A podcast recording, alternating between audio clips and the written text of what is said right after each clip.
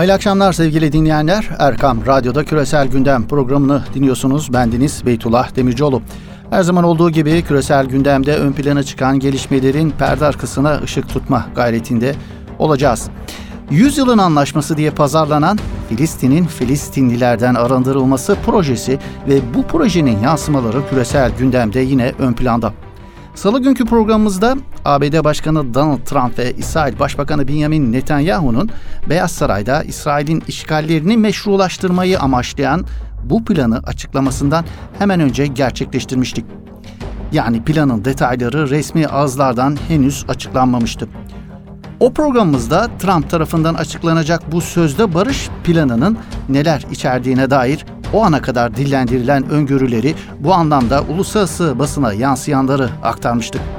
Trump plana ilişkin yaptığı açıklama ile bir anlamda tahmin edilen öngörüleri daha önce basına sızdırılan bilgileri teyit etmiş oldu. Yani Trump sürpriz denilecek bir ilavede bulunmadı söz konusu yüzyılın anlaşmasına ilişkin. Trump'ın yüzyılın anlaşması diye sunduğu sözde barış planını şu şekilde özetlemek mümkün. Plan, işgal devleti İsrail'in işgalini meşrulaştırırken küçük bir kara parçasına sıkıştırılan Filistinlilerin bağımsız bir devlete kavuşma ihtimalini tamamen ortadan kaldırıyor. Filistin halkından ise köle olmaya razı olmaları isteniyor bu plan çerçevesince. Dilerseniz resmi açıklamanın ardından Trump'ın sözde barış planının maddelerine biraz daha yakından bakalım. Trump'ın sunduğu plan Kudüs'ün bütün olarak İsrail'in bölünmez başkenti olarak sayıyor. Doğu Kudüs'te İsrail'in öngördüğü güvenlik duvarının doğu ve kuzeyindeki kenar mahalleleri kapsayan bölgenin ise Filistin devletine başkent yapılması öngörülüyor. İsrail'in egemen bir ülke olarak Doğu Akdeniz'deki sınırları da tanınıyor. Bu İsrail'in enerji havzalarındaki planlarının onayı demek. Sözde Orta Doğu Barış Planı, Filistin'e bağımsız bir devlet olabilmesinde gerekli şartları yerine getirebilmesi amacıyla 4 yıllık bir süre öngörüyor. Bu kapsamda Trump, Filistin ekonomisini canlandıracağını savunduğu 50 milyar dolarlık bir ekonomik planında hayata geçirilebilmesini hedeflediklerini ifade etti. Bu arada söz konusu 50 milyarın kimlerden tahsil edileceğini bilmem belirtmeye gerek var mı? Mescid-i Aksa'nın statüsü değişmeyecek. Tabii şimdilik. İsrail bu bölgenin güvenliğini sağlamaya ve Müslümanların Mescid-i Aksa'daki ibadetlerini yapmasını temin etmeye devam edecek diyor. Ürdün'ün bu konuda bugüne kadar olduğu gibi özel durumu korunacak ve bu ülke İsrail ile çalışmaya devam edecek. ABD sözde Orta Doğu Barış Planı kapsamında Batı Şeria'daki Yahudi yerleşim yerlerini İsrail toprağı olarak tanıyacak. İsrail, Ürdün Vadisi üzerindeki hakimiyetini sürdürecek. 6 milyonu bulan Filistinli mültecilerin geri dönüş hakkı ise olmayacak.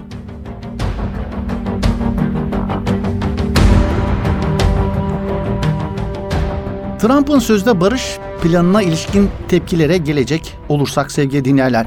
Yüzyılın anlaşması oluşmasında en büyük katkıyı sağlayan Arap dünyasının diktatör monarşilerinden Bahreyn, Birleşik Arap Emirlikleri ve Umman bizzat elçilerini anlaşmanın açıklandığı törende hazır bulundurarak anlaşmayı alkışlayanlar arasında yer aldılar. Mısır'ın diktatörü Sisi ise daha anlaşmanın resmi olarak açıklanmasından önce sözde barış anlaşmasına desteğini açıklamıştı. Anlaşmanın resmi olarak açıklanması sonrası ise Mısır yönetimi Filistinli ve İsrailli taraflara sözde barış planını dikkatlice inceleme ve barış müzakerelerini tekrar başlatma çağrısında bulundu. Mısır yönetimi Filistin ile ilgili alışılagelen klasik açıklamalarının dışına çıktı. Bu zamana kadar yapılmakta olan bütün açıklamalarda kullanılan başkenti Doğu Kudüs olan Filistin devleti ifadesinin metinde yer almaması dikkat çekti. Birleşik Arap Emirlikleri'nin Washington'daki karanlık ismi Büyükelçi Yusuf El Uteybe de Trump'ın sözde Filistin Barış Anlaşması'na tam destek verdi. Birleşik Arap Emirlikleri Büyükelçiliği'nin internet sayfasında yer alan açıklamada Trump'ın planının yıllardır devam eden birçok meseleye değinen önemli bir girişim olduğu savunuldu.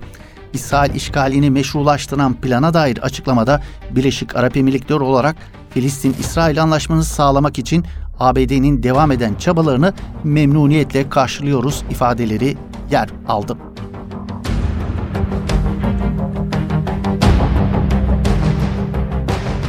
Yüzyılın anlaşmasına tepki gösteren ülkelerden biri olarak Türkiye, işgal devleti İsrail'in işgalini meşrulaştırmayı amaçlayan bu planı kabul edilemez olduğunu belirtti. Filistin Yönetimi Başkanı Mahmut Abbas ise başarısız olacak bir komplo Kudüs satılık değil diyerek plana tepki gösterdi. Enteresandır Orta Doğu'nun diktatör monarşilerinin destek verdiği plana İsrail'den bile itirazlar geldi sevgili dinleyenler. Mesela İsrail Haaretz gazetesi yazarı Dina Mutu, ABD Başkanı Trump'ın Orta Doğu planının barış için değil, savaş için bir tarif olduğunu söyledi. Yazar, Filistinliler bu kurgusal müzakerelerle ABD yönetimiyle ve zorba İsrail ile ilişki kurmayı reddetmelidir diye de ekledi İsrail yazar. Yazarın çarpıcı nitelikteki diğer ifadelerini de şöyle aktaralım isterseniz.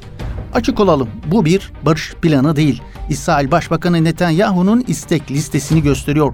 Uluslararası yasalara aykırı bir şekilde Trump, Netanyahu'ya Kudüs'ü teslim etti. İsrail'in Golan tepeleri üzerindeki egemenliğini tanıdı ve İsrail'in Batı Şeria'yı kısmi ilhakına yeşil ışık yaktı. Aynı zamanda Trump, İsrail bombalama kampanyalarına, Filistinlilerin evlerinin yıkılmasına ve İsrail'in Gazze üzerindeki ablukalarına kör bir gözle bakarken Washington DC'de ki Filistin Kurtuluş Örgütü'nün kapatılması, Filistinlilere yardımın kesilmesi ve Netanyahu'nun isteklerine tamamen uygundur. Netanyahu'nun bu planı açık kollarla karşılaması şaşırtıcı değil diye de ekliyor. Yine İsrail Hares gazetesinden Gidon Levi ise planı eleştirenler arasında yer alan bir başka İsrailli gazeteciydi. Levi makalesinde Trump'ın İsrail ile Filistin arasındaki güç dengesizliğini Netanyahu'nun çıkarına kullandığını belirterek Trump'ın sadece yeni bir İsrail oluşturmakla kalmadığını, aynı zamanda yeni bir dünya kurduğunu ve bu dünyada uluslararası hukukun, uluslararası anlaşmalara itibarın ve hatta adalet görünümünün bile olmadığını belirtti. İngiliz Financial Times gazetesi ise ABD Başkanı Donald Trump'ın 100 yılın anlaşması adını verdiği Orta Doğu planı ile ilgili başyazısında öneriler Filistinlileri statükoya kabullenmeye zorlamayı amaçlıyor dedi. ABD basınında da geniş yankı buldu dünkü Orta Doğu planı. ABD basınındaki e, New York Times gazetesinden dış siyaset yazarı Friedman bu plan iki halk ve iki devlet için mi yoksa iki kirli lider için mi sorusuyla Trump'ın planını eleştirenler arasında yer aldığı ABD medyasında. Küresel gündem.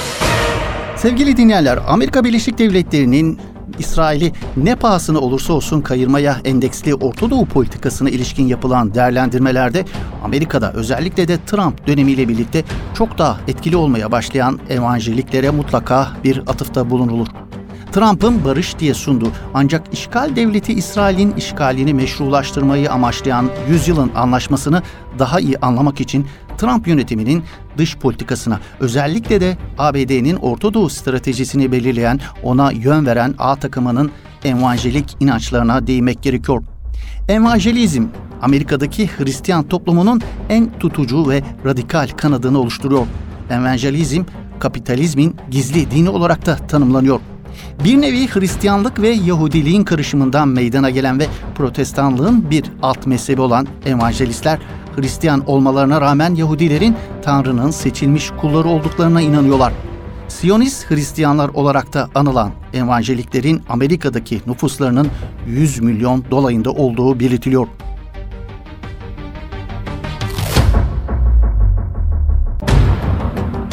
Siyonist Hristiyanlar diye de anılan evangeliklerin en belirgin özelliği ise İsa Mesih'in yeniden hayata gelişiyle ilgili uydurdukları inançlarıdır. Onlara göre İsa Mesih ihtişamlı bir şekilde yeryüzüne döneceğini önceden bildirmişti ve İsa Mesih'in dünyaya dönebilmesi için yerine getirilmesi gereken bazı şartlar vardır. Yahudilerin Filistin'e geri dönmesi mesela bu şartlardan bir tanesi. İsrail Devleti'nin kurulması, Yahudiler de dahil dünyanın tüm uluslarına İncil'in vaaz edilmesi yine bu şartlar arasında yer alıyor. Bu şartlar gerçekleştikten sonra İsa Mesih'in yeryüzüne döneceğine inanıyorlar. Kiliseye iman edenler ise göğe yükselecek İsa Mesih'in dünyaya gelişinden sonra. İsa Mesih'in onları göğe çıkartacağına, bu sayede kurtulacaklarına ve gökyüzünden yerdeki kargaşayı seyredeceklerine inanıyorlar. Bunlar gerçekleştikten sonra ise şeytan ve İsa Mesih'e iman etmeyenlerin yargılanması dönemi başlayacak. Bu yargılamada bir kimsenin adının hayat kitabında yazılı olup olmaması belirleyici faktör olacak. Yeni gök ve yeni yeryüzünde İsa Mesih ve ona inananlar yaşayacak. Artık ölüm olmadığı gibi ne yaz, ne ağlama, ne de ıstırap olacaktır diyor evangelik inanç sistemi. Evangelikler ya da namı diğer Siyonist Hristiyanlar İsa Mesih'in dönmesi için Mescid-i Aksa'nın yıkılıp yerine eskiden var olduğu iddia edilen Süleyman Tapınağı'nın da yeniden inşa edilmesi gerektiğini savunuyorlar. Tanrı'yı Kıyamete Zorlamak kitabının yazarı Greg Halsell, Siyonist Hristiyanları şu şekilde tanımlıyor. Amerika'da yeni bir dini mezhep var. Çılgınlar denen kişilerden değil, yerleşik, orta ile orta üstü sınıfa mensup Amerikalılardan oluşuyor. Bu insanlar söz konusu kültün temel esaslarını anlatan televizyon vaizlerini dinliyorlar ve buralara her hafta milyonlarca dolar akıtıyorlar. Tek hedefleri var. Kendilerini zahmetsizce Armageddon Savaşı'nı ve dünya gezegeninin yok oluşunu izleyecekleri yere yani göğe yükselmesi için Tanrı'nın elini çabuk tutması gerektiğini savunduklarını belirtiyor. Tanrı'yı kıyamete zorlamak kitabının yazarı Gretsch Hasel.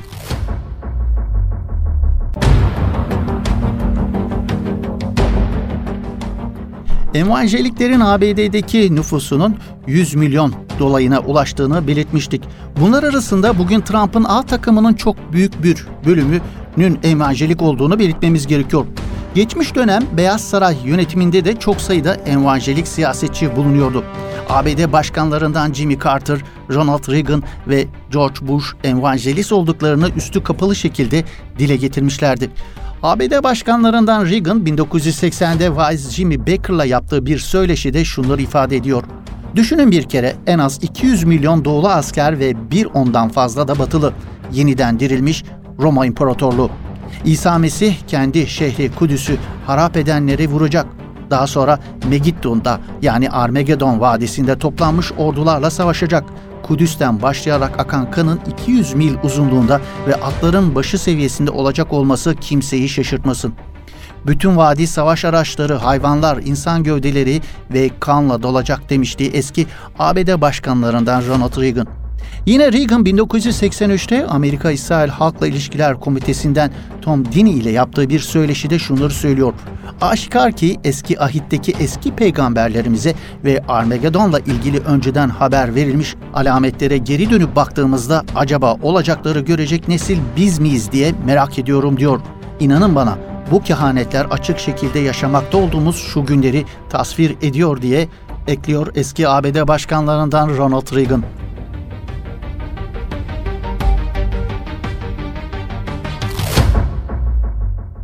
Evangelistlerin kutsal topraklara yönelik propaganda metotlarının başında ise İsrail'e düzenlenen inanç turizmleri geliyor sevgili dinleyenler. Bu seyahatleri 1970'lerden bu yana İsrail Turizm Bakanlığı Amerikan Hristiyan lobisini etkilemek için İncil Toprakları Turu adı altında teşvik ediyorlar. Böylelikle geziye katılan insanların gözünde Orta Doğu bölgesi İsrail'i rehberler eşliğinde bir kez daha kutsallaştırılıyor. Ayrıca evangelistler neşrettikleri çok sayıda dergi, gazete, televizyon ve radyo yayınlarıyla başta Amerikan Kongresi ve Beyaz Saray olmak üzere Amerikan toplumu üzerinde oldukça etkili oluyorlar. Daha da önemlisi İsrail taraftarları olmayan insanların yüksek kademelere seçilmesine engel de oluyorlar. Evangelistler ABD'nin Hristiyanlığı temsil ettiğini ama dini açıdan her Hristiyanın İsrail'i desteklemesi gerektiğini, eğer Hristiyanlığı temsil eden bu gücün yani Amerika'nın İsrail'i koruyamaz ise Tanrı nezdinde itibarını kaybedecekleri şeklinde bir söylemle Amerika'nın İsrail'i koruyup kollamasının Tanrı'nın bir emri olduğunu empoze ediyorlar.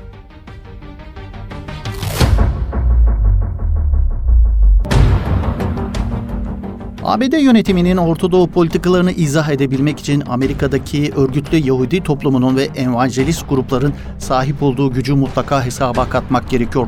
Dönemin ABD başkanlarından Jimmy Carter, İsrail'in kuruluşunu yani 1948'de İncil'in kehanetinin gerçekleşmesi şeklinde yorumlamış ve İsrail'i üzeceğime, politik hayatıma son vermeyi tercih ederim diyerek İsrail'e olan bağlılığını ifade etmişti. Yine Carter New Jersey'deki Elizabeth Sinagogu'nda Yahudilere yaptığı konuşmada İsrail'in ayakta kalması siyasete bağlı değildir. Bu ahlaki bir ödevdir şeklindeki ifadesiyle evangelist inanç dünyasının planladığı stratejiyi ortaya koymuştu. Kendisi de bir evangelist olan ABD eski başkanlarından Bill Clinton ve eşi Hillary, İsrail'e yaptıkları gezi sırasında Filistin topraklarında Hristiyan inancına göre kutsal sayılan pek çok yere ve mabet olmasına rağmen hiçbirisini ziyaret etmediği gibi dini törenlere katılmamıştı. Buna karşılık Clinton çifti Yahudi dini törenlerine büyük bir içtenlikle katılmışlardı.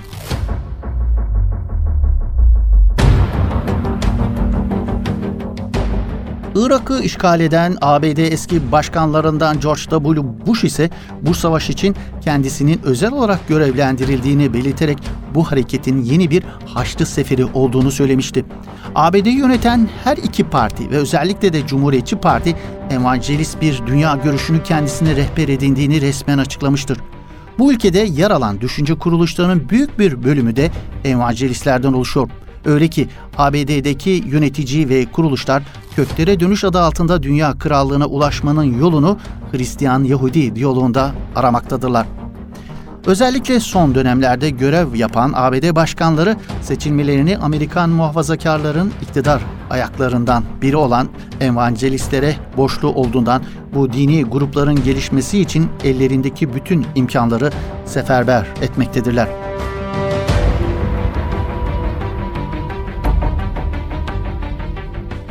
Sonuç olarak İsrail'in çıkarlarına hizmet eden bu sapkın dini anlayışa ilişkin tüm bu bilgilerden sonra Trump'ın ve evangeliklerden müteşekkil ekibinin 100 yılın anlaşmasındaki yaklaşımını anlamak daha mümkün hale geliyor kanaatimizce sevgili dinleyenler. Genel anlamda da Amerika'nın Orta Doğu'ya yönelik politikalarını belirleyen motivasyonun sadece enerji ya da diğer emperyalist hedefler olmadığını, aksine dini bir takım inanışların bu politikanın belirlenmesinde nedenli etkili bir faktör olduğunu net bir biçimde ortaya koyuyor bu bilgiler. Amerika'nın Orta Doğu'da kayıtsız şartsız İsrail yanlısı politikalarını hayata geçirebilmesinin arkasındaki bir diğer itici motivasyon ise İslam dünyasının hali pürmelali. Evet Trump yönetiminin İsrail lehine bu denli futursuzlaşmasına neden olan diğer sebep İslam dünyasının özellikle de Arap dünyasının içinde bulunduğu paramparça olmuş halidir. Zaten bin parçaya ayrılmış Orta Doğu coğrafyası Arap Baharı sonrası çok daha vahim bir hal almış gözüküyor sevgili dinleyenler. Önceden Arap rejimlerinin evet bir Filistin davaları vardı. Ama bu davayı Filistin meselesini çözmek için değil, siyasi anlamda sömürmek için kullanıyorlardı.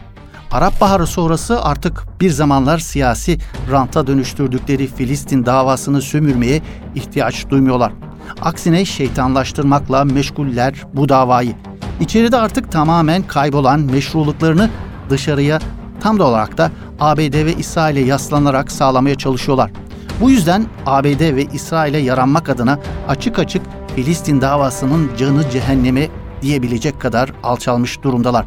Arap rejimlerinin dal kavukları, sözüm ona din adamları, yozlaşmış Arap rejimlerini savunmak adına Mescid-i Aksa'nın bir kutsallığı olmadığını, Allah Teala'nın ahirette neden Mescid-i Aksa'yı kurtarmadınız diye Müslümanları hesaba çekmeyeceğini söyleyebiliyorlar.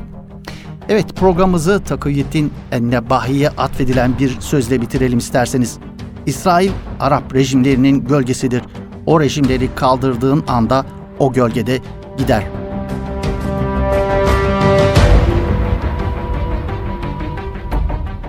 Evet bugün de Yüzyılın Anlaşması'nı özellikle evangelist e, akımın Yüzyılın Anlaşması'nın ortaya çıkmasındaki etkilerini konuştuk. Evangelizm hakkındaki bu bilgilendirmelerle. Evet bir küresel gündem programımızın daha böylelikle sonuna gelmiş bulunuyoruz sevgili dinleyenler. Yeni bir küresel gündem programında buluşmak ümidiyle. Hoşçakalın. İyi akşamlar efendim.